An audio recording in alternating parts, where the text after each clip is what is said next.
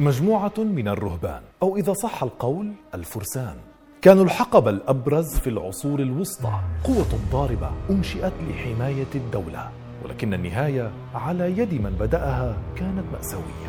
أما الجدل الأكبر ما علاقتهم بتلك المنظمة السرية العالمية التي نعرفها جيدا؟ وماذا عن كنزهم المفقود؟ هل وجدوه حقا في العام 2019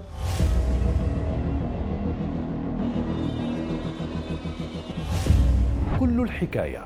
فرسان المعبد أو فرسان الهيكل. من فرقة عسكرية نشأت لحماية حجاج بيت المقدس إلى أول شركة متعددة الجنسيات في التاريخ. قد يتعجب البعض إن قلت أنهم لم يكونوا تلك القوة الضاربة في الجيش الصليبي فقط كما هو معروف بل أنهم أول من أسس للنظام المصرفي الذي ما زال سائدا حتى يومنا هذا. كيف تحول هؤلاء الفرسان من مدللي الفاتيكان إلى الحرق وهم أحياء؟ وأي سر أو كنز دفن معهم؟ والجدل الأبرز الذي تبحثون عنه هل حقا لهم علاقة بالماسونية؟ وما هو أساس هذه الفرضية؟ هم ببساطة فرسان المعبد أو فرسان الهيكل أو كما يسميهم البعض جنود المسيح. إليكم القصة الكاملة. ولا تنسوا أصدقائي أن تشتركوا في قنواتنا الرسمية وتفعلوا جرس التنبيه وتتابعوني على حساباتي الشخصية في إنستغرام وفيسبوك. كل الحكاية بدأت في مطلع القرن الحادي عشر ومباشرة بعد انتهاء الحملة الصليبية الأولى التي أفضت إلى سيطرة الصليبيين على الأراضي المقدسة أي فلسطين وسوريا اليوم.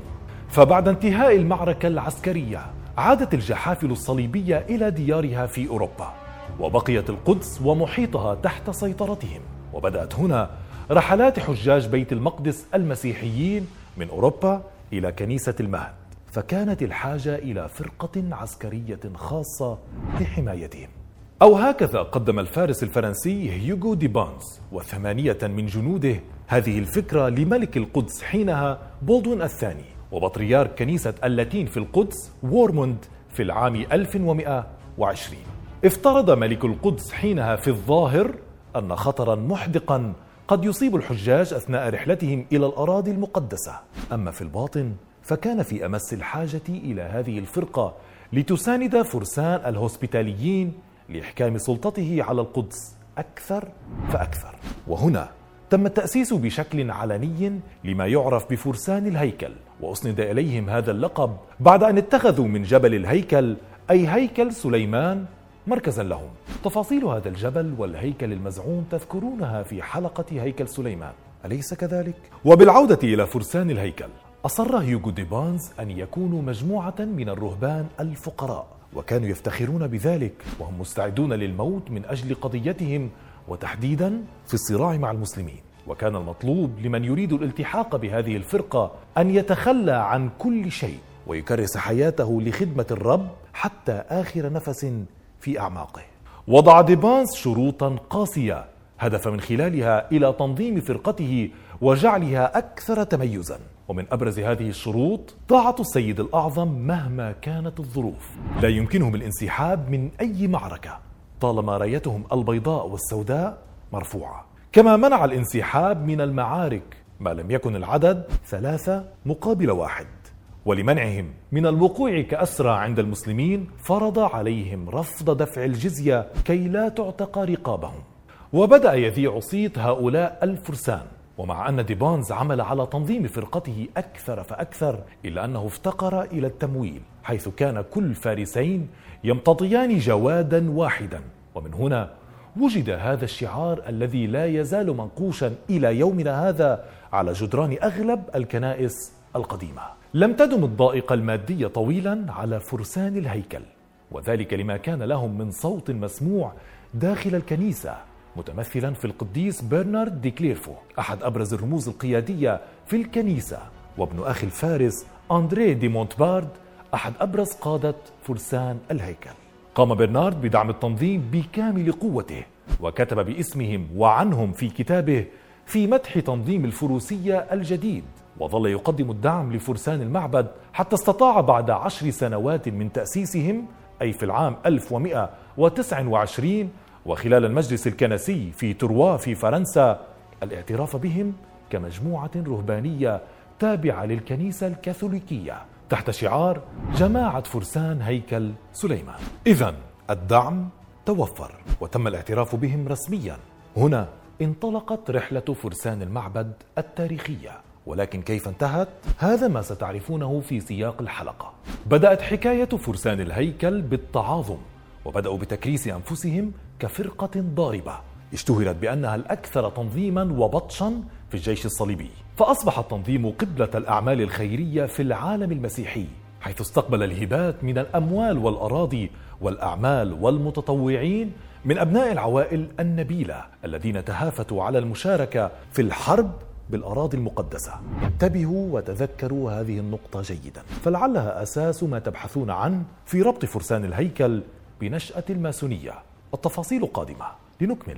لعل أبرز نقاط التحول التي مكنت هذا التنظيم من فرض نفسه هو الامتياز الذي حصل عليه من بابا الفاتيكان إنوسنت الثاني في العام 1139 والذي أعفى بموجبه أعضاء التنظيم من الخضوع للقانون المحلي وأصبح لهم حق اجتياز جميع الحدود إضافة إلى إعفائهم من دفع الضرائب وعدم الخضوع ولا الولاء إلا للبابا بشكل حصري. بعد هذا الامتياز بدأت الأموال تتدفق إلى التنظيم من أوروبا فكان لابد لهم من إيجاد طريقة لإيصال هذه الأموال إلى مقرهم في القدس بطرق آمنة أي عبر الخنادق التي لا تزال حتى يومنا هذا تكتشف. ولعل آخرها النفق الذي تم اكتشافه في فلسطين في شهر أكتوبر من العام المنصرم.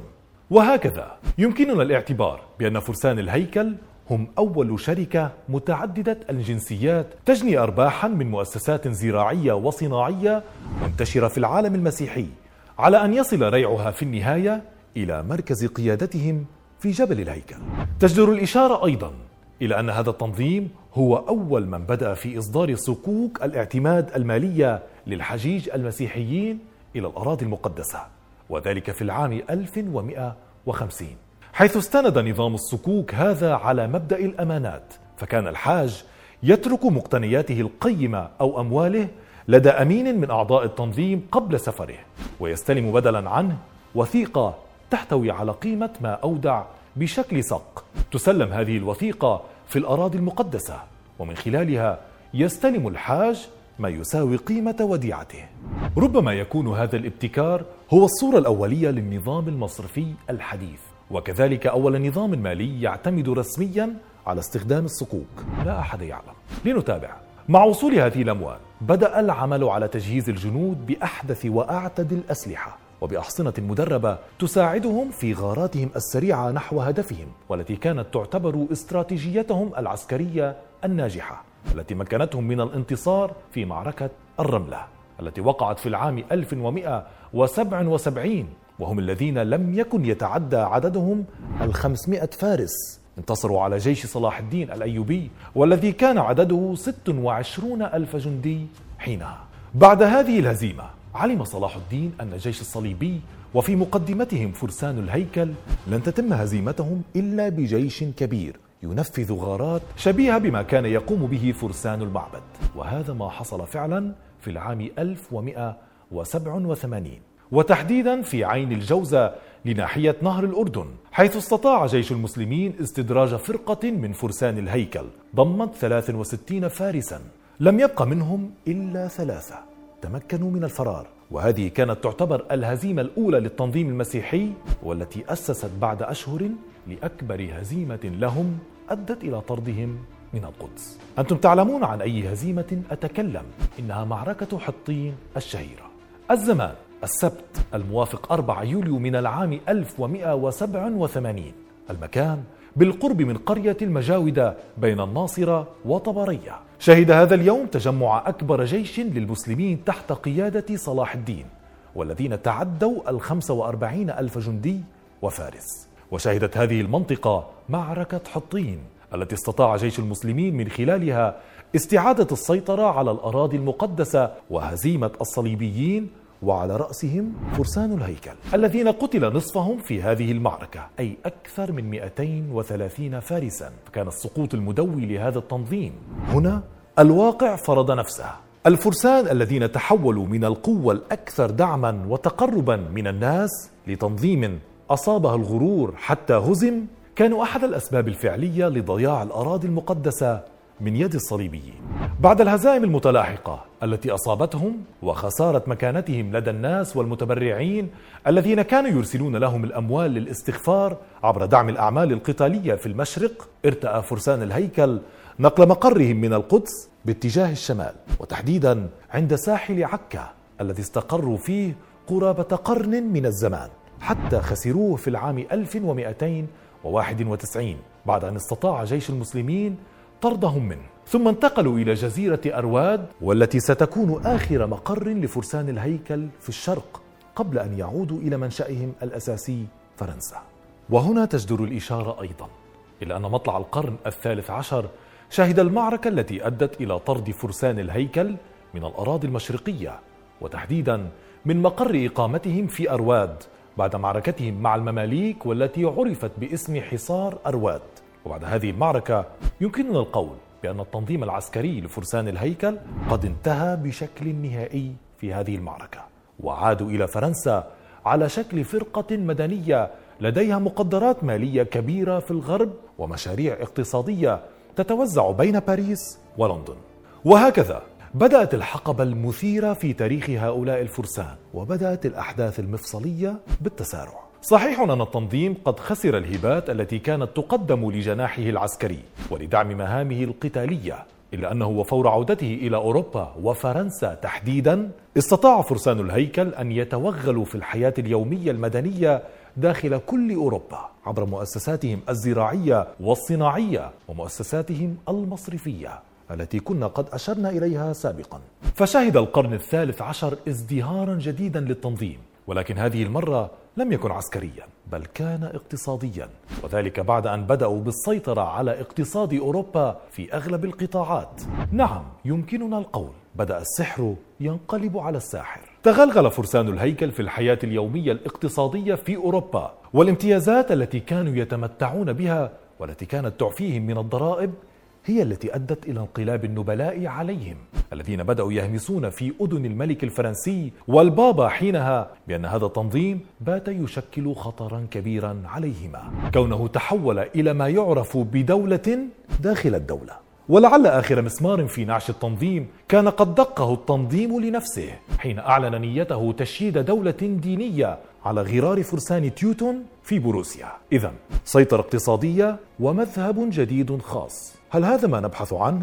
بعد كل هذه الأسباب يبدو أن النهاية قد اقتربت أضيف إلى ذلك أن الملك فيليب الرابع ملك فرنسا كان مدينا بديون طائلة إلى التنظيم على إثر مساعدتهم إياه في حربه ضد الإنجليز وأراد وبحسب المؤرخين أن يستغل هذه الشائعات لمصلحته. عبر الضغط على البابا كليمنت الخامس ليتخذ إجراءات ضد فرسان الهيكل بغية التخلص من ديونه أولا والتخلص من التنظيم الذي بات حقا يشكل تهديدا لعرشه. وهكذا صدر القرار. الزمان الجمعة الثالث عشر أكتوبر من العام 1307 أمر الملك فيليب الرابع باعتقال جاك دومولي ومعه العشرات من أعضاء تنظيم فرسان الهيكل الفرنسيين. وجاء في مذكرة الاعتقال. إن الرب ساخط علينا بلادنا تأوي أعداء الدين. بهذه العبارات تم الحكم بتجريم الانضمام إلى فرسان الهيكل وتحريمه وملاحقة وقتل كل منتسب. وذلك بعد أن أدين فرسان الهيكل بتهم عديدة منها الإلحاد وعبادة الأصنام والهرطقة وممارسة الدعارة في طقوسهم والشذوذ الجنسي والفساد المالي. ولكي تكتسب هذه المحاكمة وهذا القرار شرعية شعبية تم الكشف عن اعترافات المعتقلين التي أثارت ضجة كبيرة في باريس على الرغم من كونها منتزعة بالإكراه بحسب المؤرخين. وقد سجلت الاستجوابات على ورق برشمان بلغ طوله ثلاثين مترا. لا يزال موجودا حتى يومنا هذا في دار الوثائق القومية في باريس. وبعد قرار حل التنظيم الذي صدر عن البابا كليمنت في العام 1312 تمت محاكمة قادة فرسان المعبد. منهم من تم حرقهم وهم أحياء. فيما تم دمج التنظيم مع تنظيم آخر كان يعرف باسم فرسان الإسبتارية. هذا واستطاع بعض القادة الهرب إلى دول لا تخضع للسلطة الكنسية. من هذه النقطة بدأ تاريخ التنظيم يشوبه الغموض فيما خص من استطاعوا الهرب. وكثرت التأويلات التي ربطت بقايا فرسان الهيكل بما يعرف اليوم بالمنظمة السرية الماسونية. بعد البحث عن مصدر هذه التأويلات والمعلومات، تبين لنا أن الأمر كله مبني على رواية للأديب الفرنسي أندرو رامسي، والذي اعتبرها البعض أنها من محض خياله، ولكن في المقابل رجح البعض صحة رواية رامسي واعتبروا أن بعض قادة فرسان الهيكل الذين تمكنوا من الهرب نحو اسكتلندا أعادوا تنظيم أنفسهم وسيطروا على منظمة البنايكن التي سميت فيما بعد بمحفل الماسونية. وهنا جاء الربط بين الماسونية وبين فرسان الهيكل. أضيف إلى ذلك الشعارات الموحدة بينهم فيما يتعلق بهيكل سليمان والكأس المقدسة وتابوت العهد. بقي هذا الجدل قائما حتى يومنا هذا ولم يجد الباحثون دليلا على هذا الربط سوى ما ورد في رواية رمسي وتبقى الحقيقة المؤكدة واللغز الأبرز. الثروة التي تناقلها فرسان الهيكل في ذروة قوتهم اختفت مع اختفائهم. ورغم تأكيد كل المؤرخين ومحاولات الباحثين المستمرة على مر العصور لإيجاد ما يسمى بكنز فرسان المعبد إلا أنهم فشلوا تماما. ولم يستطيعوا أن يجدوا سوى أنفاق سرية. أثبتت تاريخيا أنها الأنفاق التي كانوا ينقلون عبرها ثرواتهم كما ذكرنا سابقا في بداية الحلقة. وتحديدا عن الأنفاق المكتشفة في فلسطين عام 2019 اذا هل سينكشف السر أو يسدل الستار عن أي دلائل؟ تثبت حقيقة ربط فرسان الهيكل بإنشاء المنظمة الماسونية.